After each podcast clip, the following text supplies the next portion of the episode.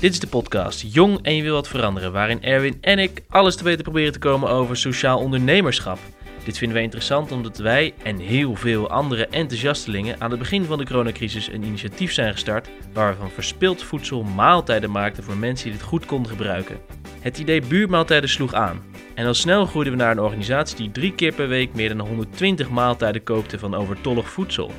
Nu de coronacrisis langzaam op zijn einde loopt, willen wij eigenlijk doorgaan. We hebben gemerkt dat de maaltijd een middel is en geen doel. Door het delen van de maaltijd komen mensen weer in contact met elkaar. Maar hoe gaan we die verbinding nu doorzetten? We willen een sociale onderneming starten. Iets goeds doen en daar dan ook nog een boterham aan verdienen. Maar eigenlijk weten we hier helemaal niets vanaf. En daarom laten we ons helpen door mensen die hier wel ervaring mee hebben.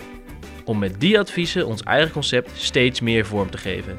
Volg ons verhaal en leer mee over sociaal ondernemerschap in de podcast Jong en je wil wat veranderen.